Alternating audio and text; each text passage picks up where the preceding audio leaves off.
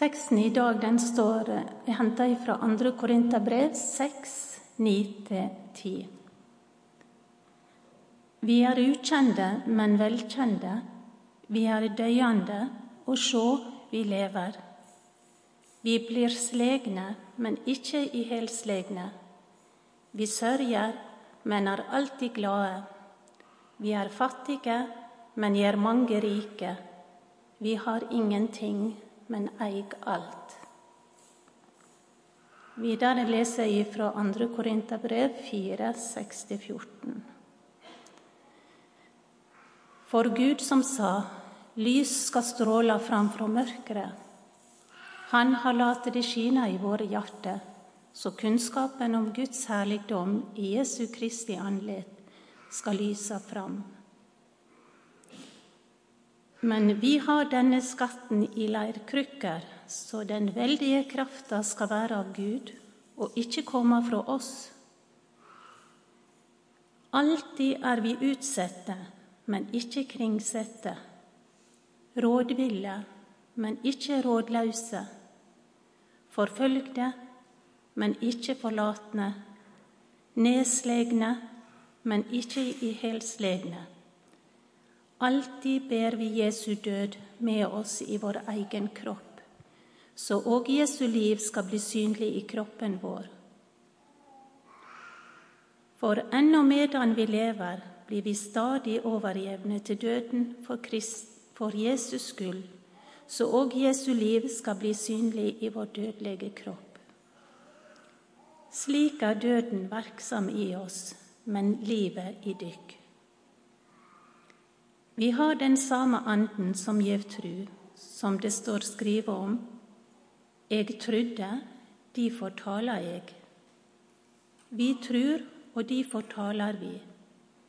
For vi veit at Han som reiste opp Herren Jesus, han skal òg reise oss opp med Jesus og føre oss fram sammen med dykk.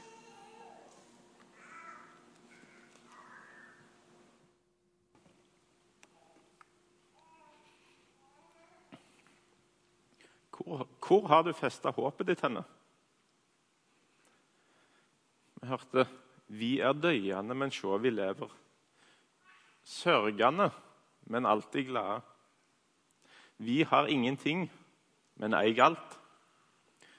Rådløse, men ikke rådville. Neslegne, men ikke ihelslegne. Dette skrev Paulus. Vi lever i en miksa verden av godt og vondt.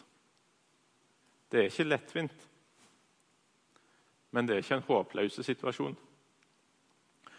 Jeg minner nesten litt om hvordan jeg en periode poengterte om og om igjen for ungene. Det er helt naturlig å ha mange motstridende følelser. Det kan gjøre både godt og vondt på en gang. Jeg gjentok det så mange ganger en periode at jenter kunne svare i litt sånn vennlig frustrasjon. 'Åh, du sier det jo hele tida, far!' Det er viktig å gjenta et sentralt poeng, og det visste Paulus òg. Vi lever i en miksa verden av godt og vondt, og vi har håp. Vi har en skatt i leirkrukker, sto det. Og vi kan snakke fint om skåra i de leirkrukkene. Sprekkene der den verdifulle skatten, Guds herligdom, kan få skinne ut. Men av og til så føles det ikke som ei krukke med hakk i det hele tatt. Noen ganger så føles det mest som det bare er knuste krukker.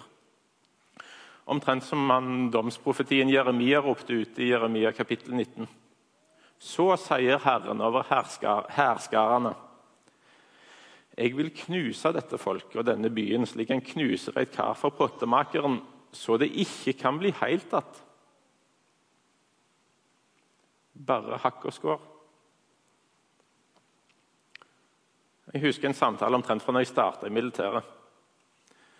Vi berørte det sammensatte livet.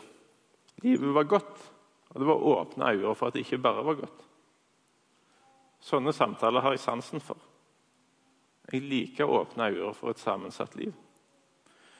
Så kunne vi snakke vart og med varme og kanskje litt fleipete om at Hvis livet var en dans på roser, så ville jeg fort fått vondt i føttene. Eller hvis livet ditt eh, ramler sammen og ligger i tusen knas på gulvet, da er det på tide å begynne å bygge glassmosaikk. Et par uker etter den samtalen så føltes livet mest av alt som en barføtt dans på tusen glasskår på gulvet. Langt mer smertefullt enn en dans på roser. Hvor fester en håpet da?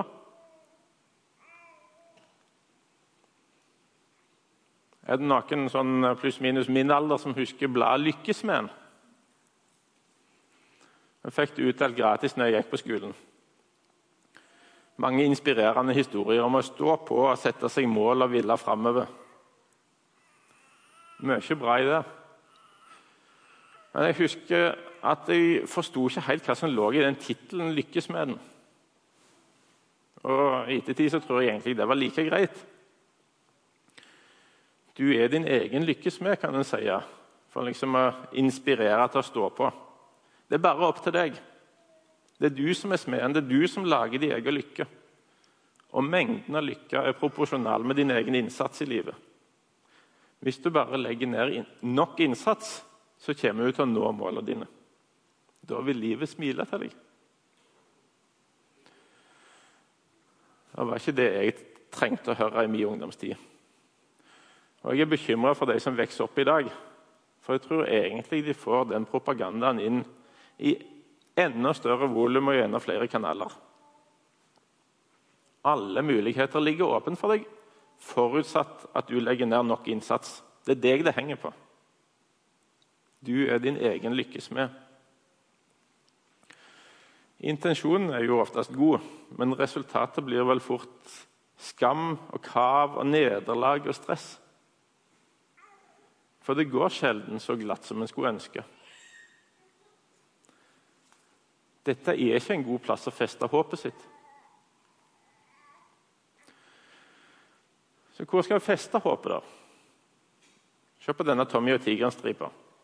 Læreren til Tommy, frøken Snokskog, spør lurer du på noe. Tommy? Og Tommy svarer ja. Hva garanti har jeg for at denne utdannelsen gir meg en adekvat forberedelse eh, for det 21. århundre? Får jeg de kunnskapene jeg trenger for å kunne konkurrere i en F konkurrere effektivt i en tøff global økonomi. Jeg vil ha en god jobb når jeg kommer ut herifra. Jeg vil ha muligheter. I så fall, sier frøken Snokskog, så foreslår jeg for deg, unge mann, at du begynner å jobbe hardere. Hva du får ut av skolen, er avhengig av hva du legger inn i den. Åh, sier Tommy skuffa. Glem det. Frøken Snorskog er nok ganske på kanal med Lykkesmeden. Men Tommy, hvis vi overfører han til teologien, så kan vi kanskje kalle det derfor herlighetsteologi. Han ønsker en garanti på at alt går bra på den måten han har tenkt ut sjøl. Og mange vil kanskje si hvis jeg ikke får en sånn garanti, så er det vel ingen vits i å tro på Gud. Jeg har mer sans for teologien i Jobbs i Bibelen. Jobb nekta å lukke øynene for det som var vondt. Han snakka absolutt om det vonde, med alle følelsene sine på full styrke. Absolutt ingenting som likna på en tralala, tenk positiv tankegang. Mens vennene til Jobb de var nok mer på kanal med frøken Snokskog eller med Lykkesmeden. Lykke og ulykke i livet er styrt av dine valg. Du får som fortjent. Og Når vonde ting skjer deg, så er det sikkert pga. at du har gjort noe galt mente de. Men Jobb han var definitivt ikke som Tommy. Han sa ikke 'glem det' når han ikke kunne få en garanti om lykke. Og Samtidig så, samtidig så nekta han å resignere i håpløshet. Midt i all den gruen han står i, så sier han det sterke ordet. Jeg veit at min utløser lever. Som den siste skal han stå fram i støvet. Det er håp her. Det er en redningsmann som har det siste ordet. Både Jobb og Paulus visste at trua ikke gir noen garanti for å unngå lidelse. Paulus skrev i det vi hørte, For ennå medan vi lever, blir vi stadig overjevne til døden for Jesus skyld. Så òg Jesu liv skal bli synlig i vår dødelige kropp. Det er ikke akkurat herlighetsteologi. Både Jobb sitt håp og Paulus sitt håp tålte denne miksen av godt og vondt. Jeg traff en gang en hund med et litt uvanlig navn. Hunden heter Håp. Det var ikke denne, men det var samme rasen. En border collie. Den var halvvaksen, bare ca. et år. Men hunden og eieren hadde et sånt tillitsforhold at eieren var nok litt fleksibel med båndfangstreglene, så hunden fikk springe ganske fritt. Og Han tok seg stadig smårunder på egen hånd. Og han vendte stadig tilbake. Ikke av noe sånn underdanig frykt, men i gjensidig tillit og fellesskap med eieren. Og jeg ble gående og filosofere over. Så godt at det går an å ha tillit til håpet. Håpet stikker ikke av selv om en ikke tviholder i det. Et sånt håp trenger jeg. For jeg makter ikke alltid å tviholde i håp av egne krefter. Ikke tror jeg det er bra heller. Å gå og være panisk opptatt av å ikke miste håpet av syne i frykt for at det skal stikke av.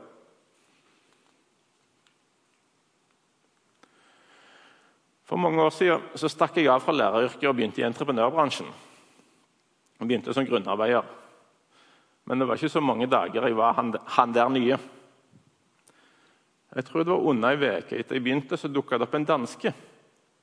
Og Han ble satt til å kjøre en åttetonns Kobelko-beltegravmaskin omtrent som den der.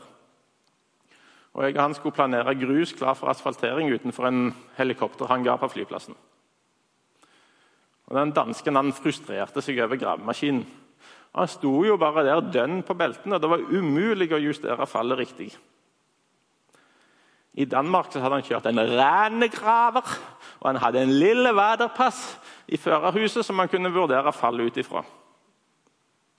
Jeg forsto etter hvert at renegraver var det som vi kaller for traktorgraver. Og Han savna de to støttelabbene på hver side som han kunne bruke til å justere fallet på maskina. Men etter hvert så ble han mer kjent med Kobelko når han fant ut av mulighetene den hadde. Og jeg ble etter hvert mer kjent med dansken. Han heter Søren, og han hadde stukket av fra både familie, og fedreland og Gud. Han skjønte ganske raskt at jeg var kristen, og han styrte stadig samtalen inn på temaet. Han fortalte om sine frustrasjoner, om hvor trangt han syntes det hadde vært å vokse opp i, kristen, i et kristent miljø, og om befrielsen i å stikke av. Og Jeg gikk stadig og frustrerte meg over at jeg ikke fant ord. At jeg ikke greide å få gitt uttrykk for det meningsfulle i trua.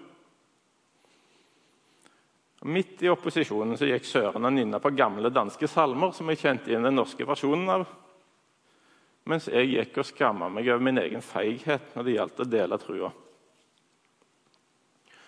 Historia derifra og til i dag skal jeg hoppe bukk over. Jeg begynte etter hvert her i Frøyland og Orstad. Og En dag var Søren òg her i samme menigheten. Og Hvis du ikke har hørt vitnesbyrdet hans fra i vår, så ta så søk det opp på YouTube-kanalen til kirka. Men at det gikk sånn, det var definitivt ikke pga. mitt håp og min plan og min retning eller mine velvalgte ord. Jeg tror ikke det var pga. Søren sitt håp eller plan eller retning heller. Såpass tydelig var han i det han sa. Det er ikke slik som frøken Snokskog eller Lykkesmeden eller vennen til jobb forkynner. What you get out of God depends on what you put into him. Det er motsatt. Hva du får ut av Gud, handler om, handler om hva han legger ned i deg. Det var Guds håp for meg og Guds håp for Søren som har ført oss her med i dag. Og Det er et håp som ikke er avhengig av at vi tviholder på det for at det ikke skal forsvinne. Det er et håp som kan føre oss helt fram gjennom den sammensatte verden. Det håpet gir trygghet, men det gir ikke noen lettvint og innsatsfri lykkegaranti. Fjellklatring kan kanskje være et godt bilde. Når du driver med fjellklatring, så handler det ikke om å holde krampaktig fast i sikringstauet. Sikringstauet det bærer deg og redder deg og gir frihet. Frihet til å gjøre en innsats. For Det er jo ikke meninga at du bare skal henge der passivt i tauet. Det er ikke alltid jeg tenker så mye over det klatretauet når jeg klatrer. Men det har en vesentlig betydning for det. Se for deg at jeg er midt der oppe i veggen, og så tryller noen vekk hele tauet. Det er ikke vanskelig å forestille seg at det har en paralyserende effekt. Det er ikke lett å gi jernet da. Så er det et annet poeng også med fjellklatring. Som nybegynner så er det ikke du som har det øverende ansvaret for å knytte deg skikkelig fast. Det er han som sikrer deg, han som har brattkort, som har ansvaret. Han vet både hva farer det er med fjellklatring, og han vet hvordan tauet skal knyttes. Det er han som har ansvaret for å knytte tauet trygt og sikkert i deg. Er alle nybegynnere. Og Gud har festa håpet sitt i oss. Paulus det slik. For Gud, som sa 'lys skal stråle fram i mørket', han har latt det skinne i våre hjerter. Vi kan stole på at det holder. Men selv om det er dager i livet som er helsvarte der jeg mister taket, så vet jeg at jeg ikke ramler til bunns. Sikringstauet holder. Og Da kan de svarte dagene få være svarte. Og jeg kan ha åpne øyne mot det svarte, som jobb hadde. Midt i en altfor sammensatt tilværelse av godt og vondt. Sånn Paulus gnei det inn i teksten. Og Samtidig kan jeg gjøre en innsats. Jeg kan gi jernet, jeg kan ville videre. Jeg kan legge ned alt jeg er og har av krefter og innsats og mot i møte med de utfordringene og de overhengene i møte i livet. Selv om de ser altfor store ut. Og Jeg fester ikke håp i en enkel garanti om gode dager, som Tommy hadde lyst til. Og Det er heller ikke sånn som frøken Snokskog eller Lykkesmeden eller vennene til jobb la opp til, at jeg skulle feste håpet i min innsats. Det er omvendt. Jeg fester min innsats i det håpet som Gud har festa i meg. Hvor det håpet fører meg på denne sida av evigheten, det vet jeg ikke.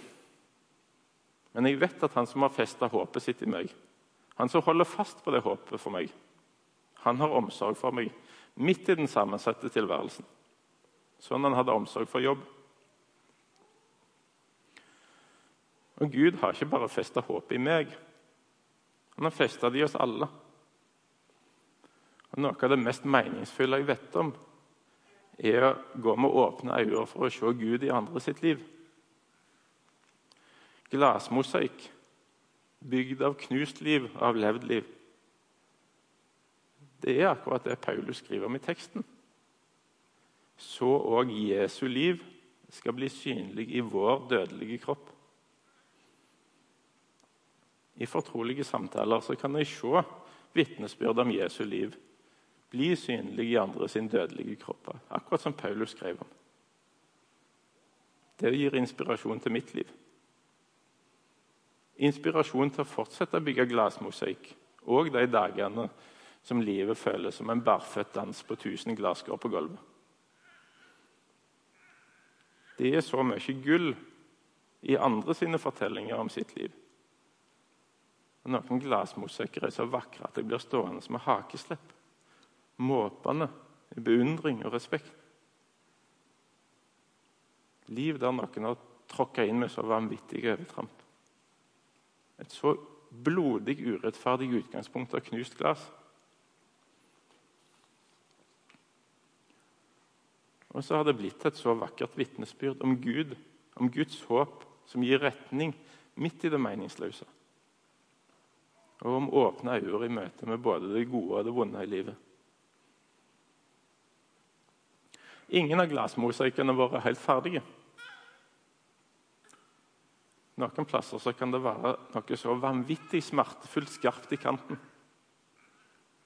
Noe som gjør så ubeskrivelig vondt at det blir vanskelig å møtes mer enn i korte glimt. Det er meningsløst sårt. Men det vakre og det gode er fremdeles vakkert og godt. Glassmosekken viser Gud i våre liv. Og Jeg tar imot de glimter jeg får i ærbødighet og takknemlighet og delt smerte. Og jeg kan ta med meg de menneskene fra de korte møtene på lista over personer som jeg gleder meg til å treffe igjen i himmelen. Det kan være sårt å tenke på en sånn liste.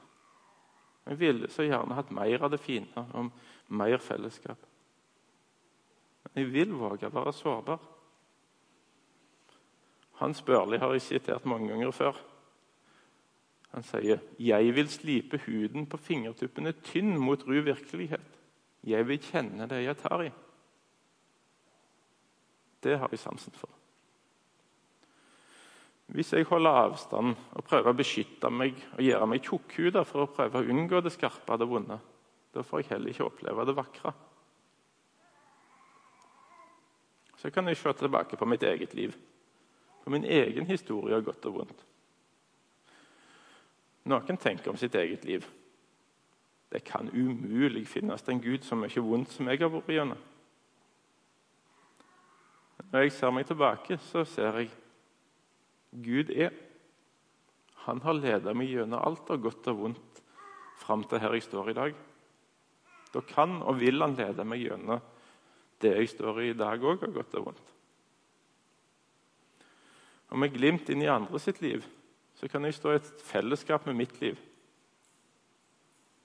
Det er godt å oppleve at det er et vi her, ikke bare jeg. Paulus sa det slik Vi har den samme anden som gir tru, som det står skrevet om. Jeg trodde, de forteller jeg. Vi òg tror, de fortaler vi. Da kan jeg si noe som jeg kanskje syns jeg burde få sagt til Søren en gang for mange år siden. Jeg tror at uten Gud så hadde hele verden ramla sammen umiddelbart. Og jeg vet at uten trua på Gud så hadde min verden ramla sammen umiddelbart. For det er helt nødvendig for meg å vite det at Gud har festa håpet sitt i meg, her jeg stadig lever i den miksa verden. Men det kan være mye å hente i en god preik. Morgan har mye, si, mye, godt å si om Gud, og jeg håper noen syns det er meningsfullt å høre på meg òg. Men sorry, Mac Morgan. De private innblikkene jeg får i livet av glasskår og mosaikk, de historiene som ikke kan deles til en preik som denne, de har større verdi. Det er de som viser meg sterkest hvordan Gud på underfullt vis har festa håpet sitt i oss. Det er de som gir mest solid mat for trua mi. Og Det Paulus skriver om at Jesu liv skal bli synlig i vår dødelige kropp, det handler ikke først og fremst om å presentere et teologisk korrekt vitnesbyrd med det riktige ordet, men om å leve sant og åpent i denne miksa verden av godt og vondt. Og om å la lyset, underet, Guds håp få skinne i våre liv. Vi trenger ikke å tviholde i håpet for at det ikke skal stikke av.